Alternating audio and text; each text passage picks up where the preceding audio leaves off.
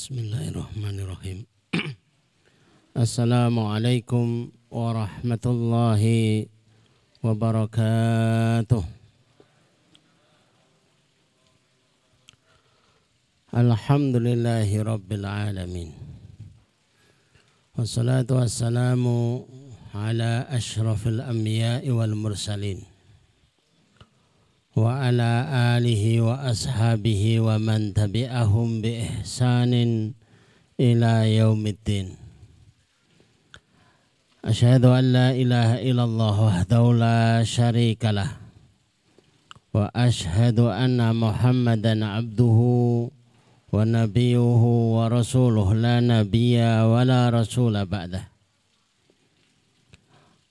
اللهم اشرح صدورنا وتزوس عن سيئاتنا. وهب لنا فهم الأنبياء والمرسلين. وهب لنا فهم السلف الصالح. اللهم لا سهل إلا ما جعلته سهلا. وأنت تجعل الحسن إذا شئت سهلا. رب اشرح لي صدري ويسر لي أمري. Wahlul uqdatam milisani yafqahu qawli. Rabbi zidni ilma. Subhanaka la ilma lana illa ma 'allamtana. Innaka antal alimul hakim.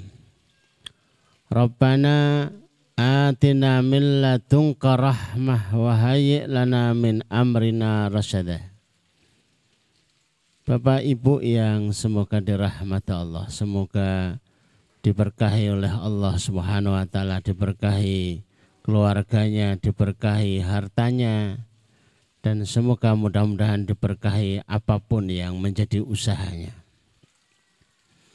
Alhamdulillah kita disampaikan di majelis yang luar biasa. Jumat sore sudah rawuh, pagi hari ini datang kembali. Mestinya kita ada di pondok rumah tahfid putri yang ada di Krikil sebagaimana biasanya. Tapi hari ini tempatnya sedang dipenuhi besi, sedang memasang atap. Mudah-mudahan yang akan datang ahad sudah bisa dipakai sehingga bisa bergantian sejatina Jumat itu kajian di Putra, Ahad itu untuk di Putri. Sehingga Bapak Ibu bisa menikmati. Ternyata bukan semata-mata serupiah demi serupiah yang kemudian dibentukkan menjadi sebuah prasasti. Tapi juga ada prestasi dari anak-anak sekalian. Dan itu yang luar biasa. Belum lama ini sudah selesai 30 jusnya. Usianya baru 13 tahun. Kita jadi ngiri gitu. Anak kecil kok sudah selesai 30 jusnya. Dan yang paling berbahagia adalah Bapak Ibu yang dirahmati Allah. Ikut menghafal ya belum beneran di karantina juga belum pernah. Kadang-kadang ada yang tinggal sejenak di dunia rumah tafid ataupun pondok pesantren juga belum pernah. Tapi rekening pahalanya itu tetap mengalir atas namanya. Entah itu seribu, entah itu dua ribu, entah itu lima ribu, entah itu sepuluh ribu. Sesuatu yang luar biasa yang namanya kontribusi itu. Kalau sedikit langsung diberikan itu barangkali belum berefek. Tapi sedikit demi sedikit kemudian bertemu menjadi sebuah menjadi sesuatu yang besar itu yang luar biasa. Kami pernah bawa uang dari kota infak itu 12 juta tapi receh. dipikul sendiri nggak kuat, dua orang nggak kuat, hingga empat orang. Terbayang waktu itu kayak apa sih korun dua korun dahulu itu. Sekalipun itu adalah receh demi receh. Tapi menjadi sesuatu yang luar biasa hari ini. Dan itu yang kita harapkan. Bukan masalah kecilnya, tapi sesuatu yang diarahkan. Maka akan menjadi sesuatu yang bisa diukur dengan sesuatu yang besar dan bisa dikendalikan untuk menjadi sebuah kekuatan yang luar biasa. Bapak Ibu yang dirahmati Allah, tema kita pagi hari ini adalah tanda cinta. Yang dimaksud adalah tanda cintanya Allah Azza Tapi kemarin pagi saya dapat kiriman satu surat yang isinya itu ada ayat yang luar biasa. Kalau saya harus menunggu Jumat yang akan datang kayak kok eman-eman. Mohon berkenan Bapak Ibu bisa melihat surat Al-Ankabut ayat yang ke-17. Kemudian saya kasih judul Rahasia Rezeki. Untuk setidaknya itu orang datang itu dapat ilmunya, menjawab persoalannya, kemudian bisa menyelesaikan urusan orang-orang di sekitarnya dan tetangga-tetangganya. Saya biasa berdiri kalau duduk kok jadi nggak enak. Ayatnya menjadi sesuatu yang menggetarkan dan melegakan di dalam hati itu. Innalladzina ta'buduna min dunillah. Sekiranya mereka-mereka yang beribadah kepada selain Allah. Ada yang mengibadahi harta, ada yang mengibadahi jabatan, ada yang mengagung-agungkan kesehatan, Innalladzina ta'buduna min dunillah la yamlikuna syai'ah. Hakikatnya itu enggak punya apa-apa. Kalau sudah tahu enggak punya apa-apa, mari kita fokuskan sesungguhnya yang kita hadapkan ini adalah zat yang maha bisa, yang maha kaya, yang maha kuasa, dan masih ada lebih dari 99 asma'ullahil husna. Wabtahu ilahi rizq. Nomor satu, rahasia rezeki itu tidak usah tanggung-tanggung. Carilah rezeki itu di sisi Allah, nomor satu. Sudah minta saja. Butuh 5 juta yang ngomong, butuh 10 juta ya ngomong. Butuh satu miliar ya ngomong. Kemudian teruskan ibadah dan tingkatkan ibadahnya terus. Itu yang nomor dua. Agar kita tahu, oh saya itu sudah puasa. Saya itu sudah tilawah. Saya itu sudah sodako. Tapi kok belum ada perubahan dirinya kok nggak datang yang tiba-tiba. Napa bahasanya memiliki mak betunduk gitu. Rezeki yang tidak disangka-sangkanya kok nggak kelihatan. Barangkali panjenengan semua belum berkenalan dengan rahasianya. Nomor satu wabtahu ilahir rizq. Pertama diarahkan hatinya, diarahkan pikirannya, diarahkan tindakannya untuk meminta rezeki itu kepada Allah. Bergantungnya hati kepada pekerjaan itu masalah. Itu salah satu rezeki iya. Tapi bukan berarti bergantung rezeki itu kepada gaji. Mendapatkan rezeki itu bagiannya itu dari sawah iya. Tapi menggantungkan hati soalan rezeki itu dari sawah itu masalah.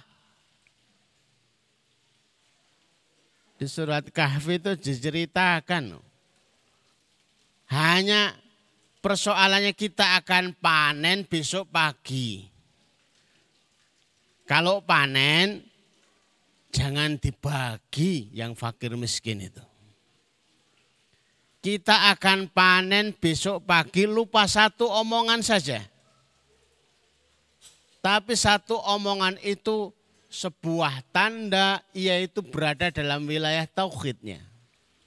Insya Allah. Lali, nggak ngomong insya Allah. Besok pagi waktunya hanya semalam. Seluruh hasil tanamannya terbakar. Karena kalimat insya Allah secara tidak langsung itu melibatkan Allah dalam urusannya. Wabtagu ilahil wasilah wa'buduh dan ibadahilah Allah itu nomor dua. Yang nomor tiga rahasia rezeki itu adalah waskuru dan bersyukurlah. Dikit-dikit ya jangan dipaidu. Lo kok oleh mene. Lah kok gajinya dipotong lagi, dipotong lagi. Ini PPKM ditambah lagi, diperpanjang lagi. Caranya gini, jualannya gimana, bisnisnya gimana, tanamnya gimana. Kita nggak pernah ngerti ke depannya kayak apa. Syukur saja. Alhamdulillah. Alhamdulillahilladzi binikmati tatimus salih. Saya itu punya sahabat di Purbalingga. Waktu tanam salak itu juara sekabupaten. Kemudian tanam pepaya juara lagi nanam jambu kristal, ya juara lagi. Awalnya dari sebuah pertemuan kecil, dia bertanya, Ustadz, kalau cara bertanam itu agar hasilnya berlimpah itu gimana? Tiap hari dikunjungi saja tanamannya ajak tanaman kamu itu bersyukur bentuknya syukurnya dengan berzikir. Kan ya enggak mungkin tanaman itu bersuara. Maka sembari kita itu megang daun-daunnya, nabur pupuk-pupuknya, lisan kita tidak berhenti untuk berzikir. Apa pun zikir panjenengan. Mau sholawat ya monggo. Mau istighfar ya monggo Mau subhanallah ya monggo. Dan itu dipraktekan tiap hari. Dia itu pagi-pagi itu senang itu ya. Subhanallah, subhanallah, subhanallah, subhanallah. Alhamdulillah, alhamdulillah, alhamdulillah. Hasilnya itu hasil yang berlimpah. Luar biasa. Kayaknya ilmu sederhana tapi butuh untuk dipraktekkan. Saya itu suka kalau satu ilmu, informasi kecil, dipraktekkan, dirasakan, ada hasilnya, kemudian disebarluaskan. Sehingga banyak di antara kita, sekalipun itu adalah kaum muslimin, tapi menikmati syariatnya. Jangan sampai kita itu tidak bangga dengan syariat kita sendiri tidak merasa bangga dengan keislamannya karena tidak merasakan kemanfaatan. Hidupnya kok enggak cerah setelah berislam. Itu masalah. Harusnya semakin berislam, semakin Al-Quran dibaca, semakin hadis diilmui, semakin cerah hidupnya. Semakin lebih mudah, semakin lebih mudah. Kayak hadisnya yang sering kita baca itu. Sahalallahu lahu bihi tariqan ilal jannah. Semakin hadir di majelis ilmu, semakin dibuka pintu-pintu kemudahan menuju jannahnya Allah. Di dunia ini ada jannahnya Allah, di dunia ini ada surganya Allah. yang tidak memasuki surga yang ada di akhirat kecuali memasuki dulu surga dunia. Syekhul Islam Ibn Taimiyah itu menjelaskan sebuah kebahagiaan, ketenangan batin yang luar biasa ketika mentaati Allah dalam sujud-sujudnya, dalam rukuk-rukuknya, dalam ayat demi ayat dia bisa menikmati rasa syukurnya kepada Allah Azza wa Itu mukodimahnya ya Bapak Ibu. Wah baru mukodimah kok panjang nih. Ya memang biasanya begitu. Daripada nanti nunggu Jumat yang akan datang ya lebih lama lagi. Jadi kalau kita itu ada ayat diamalkan, ayat itu tanda cintanya Allah kepada kita. Orang yang jatuh cinta itu sering nulis surat. Lah Allah itu tanda cintanya kepada kita ngirim 114 surat. Suratnya dibaca apa mbatan? Terus jarang dibaca ngakunya cinta apa tidak? Lah duko niku ndak kangge kula. Malah pertanyaannya aneh. Apakah itu buat saya? Enggak mau itu musah di masjid-masjid di musola-musola juga ada. Masa itu surat dari Allah Azza wa tanda cinta yang dikirimkan kepada kami. Ya iyalah. Agar memudahkan hamba Allah itu berkomunikasi. Kalau tidak paham karena bahasa Arab itu ada terjemahnya. Sudah ada bahasa Arabnya, sudah ada terjemahannya. Nggih mboten mudeng, yo tanya tentang tafsirnya. Fas'alu ahla dzikri in kuntum la. Tanya yang ngerti, yang tahu bahasa Arab, yang ngerti tafsir. Kalau nggak tahu. Ini ayatnya. Alangkah cintanya Allah kepada kita. Wa qala rabbukum. Sehingga saking cintanya diserulah kita Udu'uni. Kan kalimatnya jelas kan? Mintalah kepadaku, berdoalah kepadaku. Lebih simpel gitu ya. Coba kalau satu ayat itu diawali dengan apa ini? Memperhatikan, menimbang, Nah, ujungnya tambah lama. Pakai ada satu, dua, tiga. Ini tuh the point. Langsung, wakala rabbukum, Allah berseru. Allah siapa ya? Allah kita. Udu'uni, mintalah kalian kepadaku.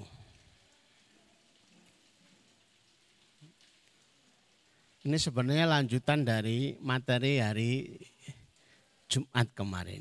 Non sewu yang belum hadir hari Jumat. Mintalah kepadaku astajib lakum, aku akan jawab. Aku akan ijabah. Saya kembali mengulang cerita saya bertemu seorang ustadzah dengan suaminya ustadz. Cuma ngasih saran, ustadz kalau punya warungan dibesarkan aja. Beliau jawab Ustadznya ini. Nunggu Ustaz. Nunggu apa? Nunggu dapat rezeki. Nunggu sudah banyak dikumpulkan rezeki. Terus saya balik bertanya. Memang sudah dipesan kok ditunggu. Ustaz sama ustazah itu pandang-pandangan. Loh, emang kudu dipesan Ustaz. Seharian kita duduk di samping toko bakso, kalau nggak pesan bakso, sampai capek yang nggak dapat bakso. Sekiranya itu dapat bakso bapak ibu, itu bakso kesasar. Wong lihat mobil, lihat rumah, lihat anak, lihat rezeki. Kenapa lisan kita berhenti? Kenapa lidah kita itu keluh untuk mengatakan, Ya Allah aku pengen mobil kayak itu. Jangan mobil itu ngajak padu. Ya Allah aku pengen rumah itu. Aku tuh pengen sawah yang kayak itu. Ya Allah saya pengen anak seperti itu. Banyak jamaah kami itu berangkat ke Baitullah sebelum pandemi dulu itu. Kalau datang itu saya suka ngasih oleh-olehnya itu siwak. Siwaknya ya cuma kayu. Tapi bukan itu esensinya. Sambil dibagi, Bapak Ibu jangan kundur dulu. Kayu siwak itu membawa pesan. Kami sudah berdoa, Ya wasilahnya itu melalui kayu siwa ini. Ya Allah hari ini aku kasihkan kayu siwa ini. Harapannya mereka bisa datang sendiri dan membeli sendiri di tempat saya membeli kayu siwa ini. Dan itu di depan Masjid Nabawi. Jadi kayu siwa itu akhirnya lebih bermakna. Alhamdulillah. Ya Allah mudah-mudahan amin. Beberapa waktu berangkat, berangkat, berangkat. Masya Allah.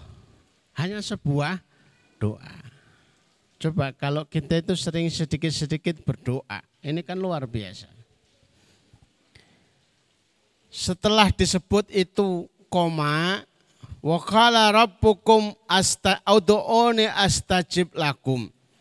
Hambaku berdoa saja kamu kepadaku, aku akan kasih ijabah. Innalladzina yastakbiruna an ibadati sayadkhuluhum jahannam dakhirin. Orang-orang yang tidak mau berdoa ditambah lagi tidak mau juga beribadah juga tidak mau syukur dalam bentuk ibadah Syukur itu memuat kalimat, memuat tindakan, memuat ikrar yang ada di hatinya, yang tidak mau ibadah, yang tidak mau doa, padahal doa itu adalah sebaik-baik ibadah. Saya dakhuluhum jahannam akan dimasukkan ke dalam neraka jahannam dakhirin ternyata nggak berdoa itu diancam. Bukan tidak apa-apa, nggak berdoa ya nggak ada masalah, kan bebas pilihan masing-masing. Eh nggak taunya ada ancaman. Maka berdoa itu adalah perintah. Kalau nurut ayatnya itu jadi wajib.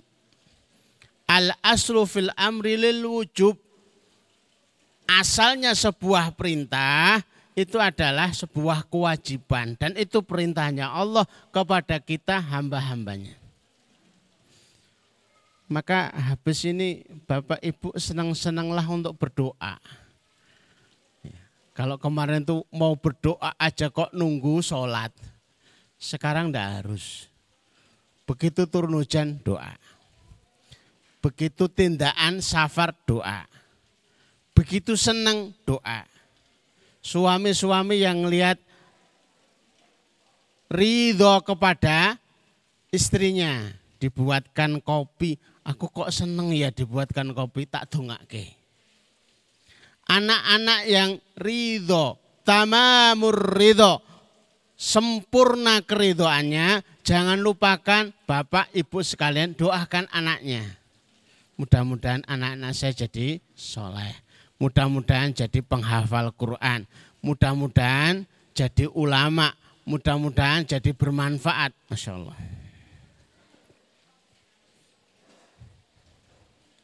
Kalau ini lebih lebih konkret lagi nih ya. Saya buka kitab dulu hadiah di Madinah dulu. Itu saya ulang-ulang kok yang gitu loh.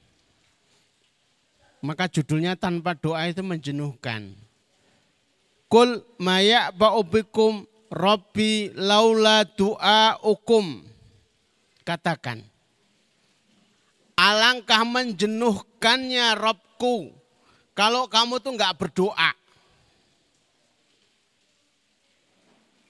Jadi jenis hamba Allah, jenis manusia yang menjenuhkan itu jenis manusia, jenis hamba Allah yang tidak berdoa. Tipe manusia menjenuhkan. Lawang tinggal di buminya Allah, makan rezekinya Allah, diperintah tinggal minta saja. Lah kok ya ragelem? Dian. Kenapa sih kita itu? Fakat kadzabtum fasaufa yakunu lizama. Kalau kamu tidak mau berdoa, hakikatnya kamu itu mendustakan Allah. Mewajibkan diri menjadi musuh-musuh bagi Allah. Wong tinggal minta. Minta diikuti ibadah, minta diikuti ibadah. Hal seperti itu dulu pernah kita ada materi namanya test drive. Ya Allah saya minta motor, saya habis itu sholat. Ya Allah saya minta mobil, kemudian sholat lagi. Ya Allah saya minta rumah, kemudian sodakoh lagi. Kan tutorialnya lebih mudah, lebih simpel, tinggal diuji. Yang ketiga jawaban doa dari Abi Sa'id Al-Khudri radhiyallahu anhu. Anna Nabi sallallahu alaihi wasallam qala ma min muslim yad'u bi da'watin laisa fiha ismun wala qati'atu rahmin. Tidaklah seorang muslim selama dia itu berdoa dan jenis doanya itu bukan jenis doa yang bernuansa dosa juga bukan doa untuk memutus silaturahim biar padu bapak sama anak. Biar padu suami sama istri. Bukan itu. Baik sama cucunya. Bukan itu. Menghindari dua pantangan doa. Bukan doa dosa. Bukan doa memutus silaturahim. Selama bukan dua doa itu. Illa atah. Kecuali Allah akan kasih antara tiga pilihan. Bahagiakan diri. Ya Allah, berarti setiap berdoa selama bukan doa pantangan, itu isinya mesti tiga. Yang pertama, imma antu ajilalahu ta'watuhu akan disegerakan dikasih. Nomor satu, minta uang, oh tidak termasuk pantangan. Minta motor tidak termasuk pantangan Minta mobil tidak termasuk pantangan. Minta rumah tidak termasuk pantangan. Kalau itu diminta, ima antu ajilalahu bisa jadi akan disegerakan. Kalau tidak pilihan yang kedua, wa ima an ayutakhiralahu fi. Kalau tidak yang pertama, Allah akan simpankan. Kalau Bapak Ibu ditanya milih dikabulkan di dunia atau doa panjenengan diwujudkan di akhirat. Itu jawabnya kan sama-sama susah. yo pengen di dunia tapi yo piye ya. Padahal urusan akhirat itu Rok'atil fajri. Dua rakaat. Rakaat awal kul ya ayuhal kafirun. Rakaat dua kul huwallahu ahad. Khairum minat dunya wa ma fiha itu lebih baik daripada dunia dan isinya. Panjenengan pengen disegerakan kali itu. Ya Allah berikan kami pahala dunia dan seisinya sebagai balasan sholat dua rakaat kami sebelum sholat subuh. Itu masalah Bapak Ibu. Kalau dikasih betulan itu masalah bagi kami semua. Terus kami tinggal di mana? belum ada penelitian penelitian konkret Venus itu bisa dihuni, Mars bisa dihuni. Lo kok anjenengan sudah mau ngusir gitu loh. Oh, kita yang jualan itu suruh tutup jam 8, tutup jam 9 aja itu rame kok. Ini kok suruh pergi dari dunia. Ini kan ngajak masalah. Dunia dan seisinya mau dikasihkan kepada panjenengan. Kalau panjenengan itu membaca hadis yang berbunyi yang terakhir masuk surga itu sudah tidak kebagian tempat. Yang terakhir loh ya. Penuh, penuh, penuh, penuh. Akhirnya diperintah oleh Allah kamu berimajinasilah tentang dunia. Yang terhebat menurutmu apa? Dan yang terhebat menurutmu itu akan dikalikan 10 kali lipat. Itu yang paling terakhir dari surganya Allah. Di atasnya lebih canggih lagi. Ya Allah hebatnya luar biasa. Sehingga kita itu bahagia, terkabul alhamdulillah, tertunda alhamdulillah. Atau yang ketiga wa ima ayas ayusrifa anhu minasu mithlaha kalau tidak terkabul, disimpan di akhirat. Yang ketiganya, doanya dibentukkan menjadi penghalang dari musibah, dari balak yang senilai dengan doanya. Keluar dari rumah, siap-siap di atas motor, lisannya berdoa. Bismillahirrahmanirrahim. Wa la quwata illa billah. Lah kok yo kecelakaan? Itu sudah disambut dulu dengan doa. Musibah kecelakaan itu dihadapi dulu dengan doa. Kalau dicek, ini harusnya patah kaki, ini cuma lecet. Ini harusnya patah kaki, ini hanya keselio. Siapa yang menghadapi dulu wong tidak kelihatan. Ternyata doa kita adalah doa bukan untuk diijabah di dunia, bukan untuk disimpankan di akhirat, tapi sejenis doa yang akan menghalang musibah demi musibah. Alangkah hebatnya gitu loh. Sehingga para sahabat itu Idan nukthir. Kalau begitu ya Rasul aku tak minta yang banyak wae berdoa. Bien. Pokoknya doa terus. Ya enggak apa-apa. Allahu akbar. Allah akan memberikan lebih banyak. Sebanyak doamu, jawaban doa yang menjadi stok itu jauh lebih banyak. Napa pembuatan remen? sebanyak doamu Allah sudah siapkan jawaban lebih banyak lagi.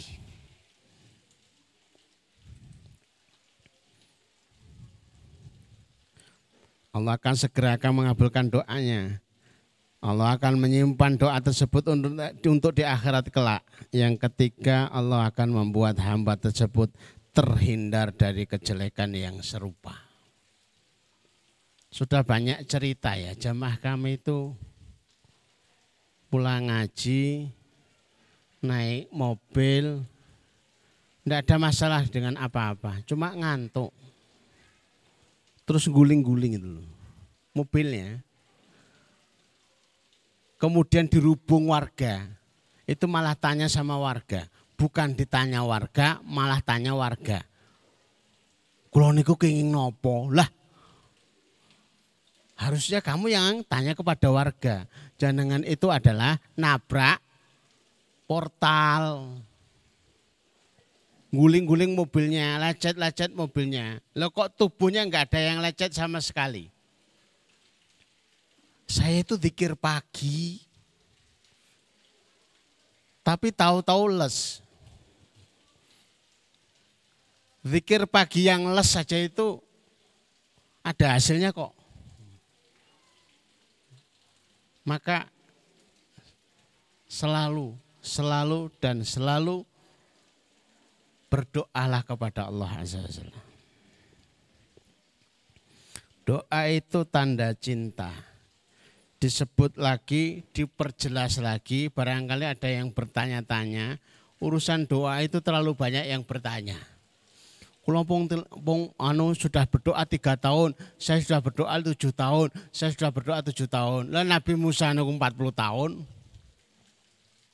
Napa kualitas panjenengan itu sekualitas Nabi Musa? Lawang Nabi saja 40 tahun itu sabar nunggu. Ini yang bukan Nabi kok enggak sabar diperjelas kalimatnya wa idza sa'alaka ibadi fa ini qarib ujibu da'watad da'i.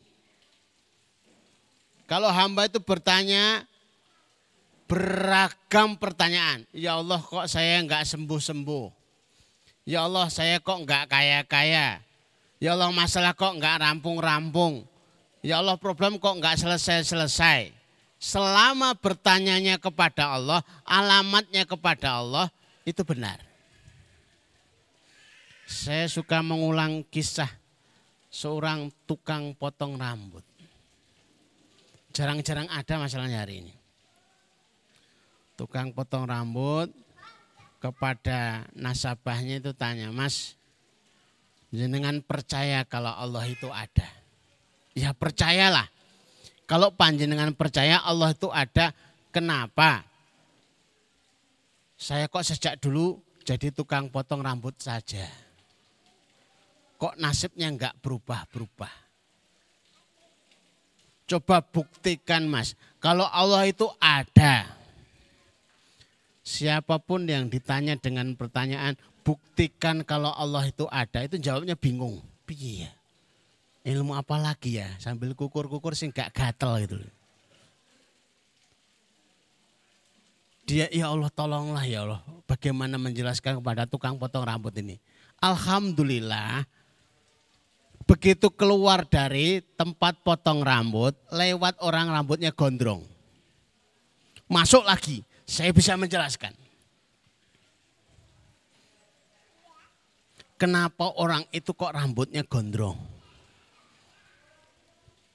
Tukang potong rambut marah-marah. Itu salahnya dia kenapa nggak datang ke saya. Itu salahnya dia kok nggak minta dipotong rambutnya.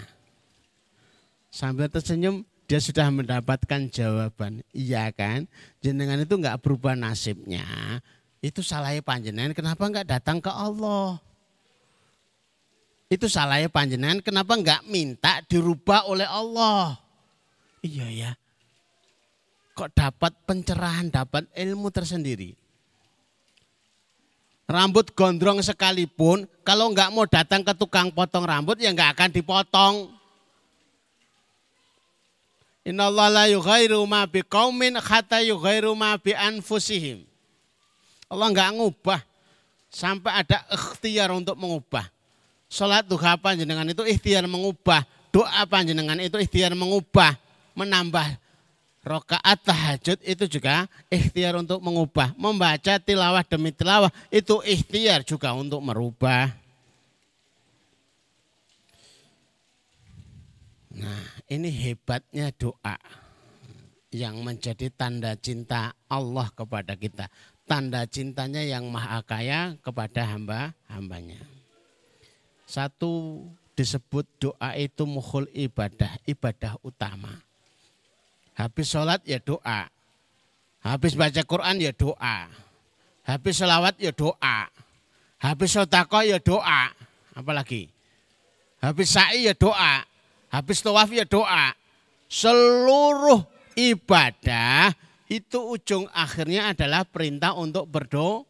Nah, karena memang ibadah itu wasilah kendaraan yang melangitkan doa-doa kita sekalian. Yang keduanya la yaruddu al qadra. Tidak ada yang bisa melawan takdir kecuali doa. Enggak berdoa Berarti dibiarkan mengalir takdir itu. Jadi kalau jatuh ya jatuh. Miskin ya miskin. susah ya susah, tapi dia terus melawan terus akan ada perubahan. Berlomba dengan bala. Antara doa dan bala ya ta'allajan, saling berlomba. Sejarahnya tidak pernah bala itu menang berlomba melawan doa. Kalau startnya sama. Tapi kalau bala itu sudah mendahului start dulu, doanya datang menyusul kemudian, itu tergantung kekuatan doa panjenengan. Seberapa kuat untuk ngejar. Lewong balanya sudah datang tiga hari, doanya baru timik-timik. Habis timik-timik ngucek-ngucek lagi, aduh telat. Wong sudah jelas ada tanda-tanda sakit, yang langsung berdoa menunggu jawaban adalah sebaik-baik ibadah. Doanya itu adalah ibadah terbaik, menunggu jawaban doa itu adalah ibadah terbaik juga. Afdalul ibadah intidharul farj. Ibadah yang paling utama itu adalah penantian terjawabnya doa.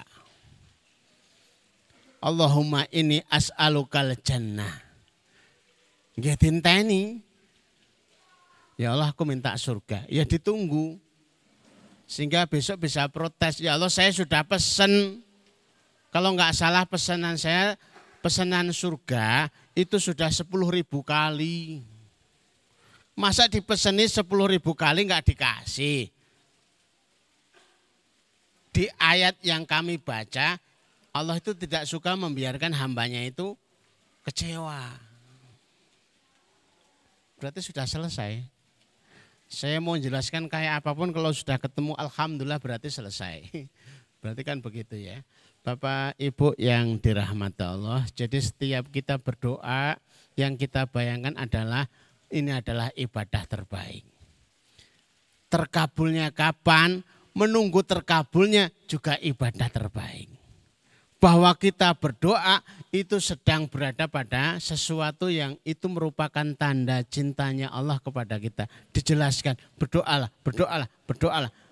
Kalau nggak cinta kepada hamba kan repot kita ini. Kebutuhan kita itu nggak bisa terpenuhi kecuali kita minta kepada Allah Azza wa Jalla.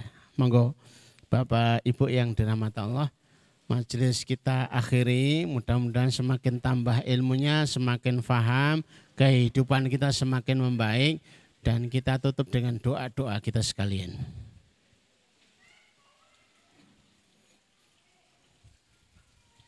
Bismillahirrahmanirrahim. Allahumma salli ala Muhammad wa ala ali Muhammad. Kama sallaita ala Ibrahim wa ala ali Ibrahim innaka Hamidum Majid. Allahumma barik ala Muhammad wa ala ali Muhammad. Kama barakta ala Ibrahim wa ala ali Ibrahim innaka Hamidum Majid. Walhamdulillahi Rabbil Alamin. Hamdan syakirin Hamdan naimin Hamdan ni'amahu wa yukafi mazidah. Ya Rabbana lakal hamdu kama bagi li jalali wajhika wa azimi sultanik. La ilaha illa anta subhanaka inni kuntu minadh dhalimin La ilaha illa anta subhanaka inni kuntu minadh dhalimin La ilaha illa anta subhanaka inni kuntu minadh dhalimin Allahumma ya Rahman ya Rahim Ya Hayyu Ya Qayyum. Ya Dzal Jalali wal Ikram. Allahumma ya Rahman ya Rahim. Ya Hayyu Ya Qayyum. Ya Dzal Jalali wal Ikram. Allahumma ya Rahman ya Rahim. Ya Hayyu Ya Qayyum.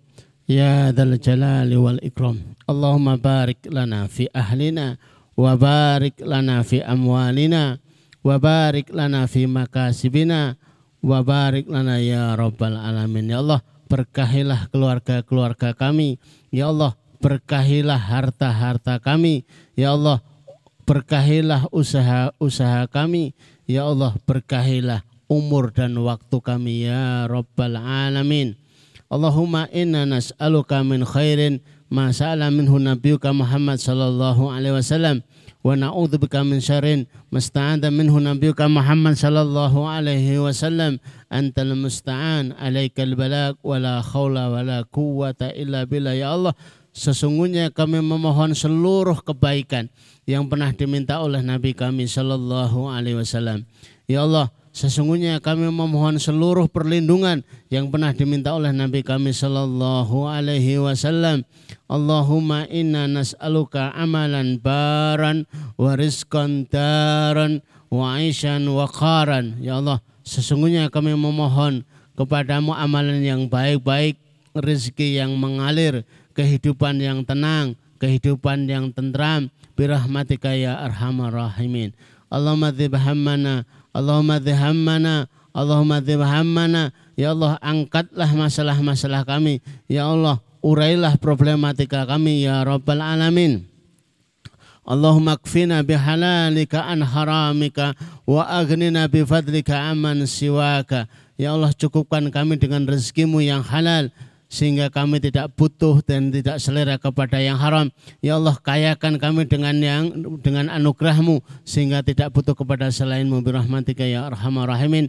Rabbana atina fid dunya hasanah wa fil akhirati hasanah wa qina adzabannar wa qina adzabannar wa qina adzabannar wa sallallahu ala Muhammadin wa ala alihi wa sahbihi wa sallim subhana rabbika rabbil izzati amma yasifun wa salamun alal mursalin walhamdulillahi rabbil alamin. Alhamdulillahirabbil alamin. Nafa'ana Allah bima ta'alna fi hadha sabah wa rizukna fahman wa amalan bima nata'alam. Kita akhiri subhanakallahumma rabbana wa bihamdika asyhadu alla ilaha illa anta astaghfiruka wa atubu ilaik. Mohon maaf atas segala kekurangan dan kealfaan. Assalamualaikum warahmatullahi wabarakatuh.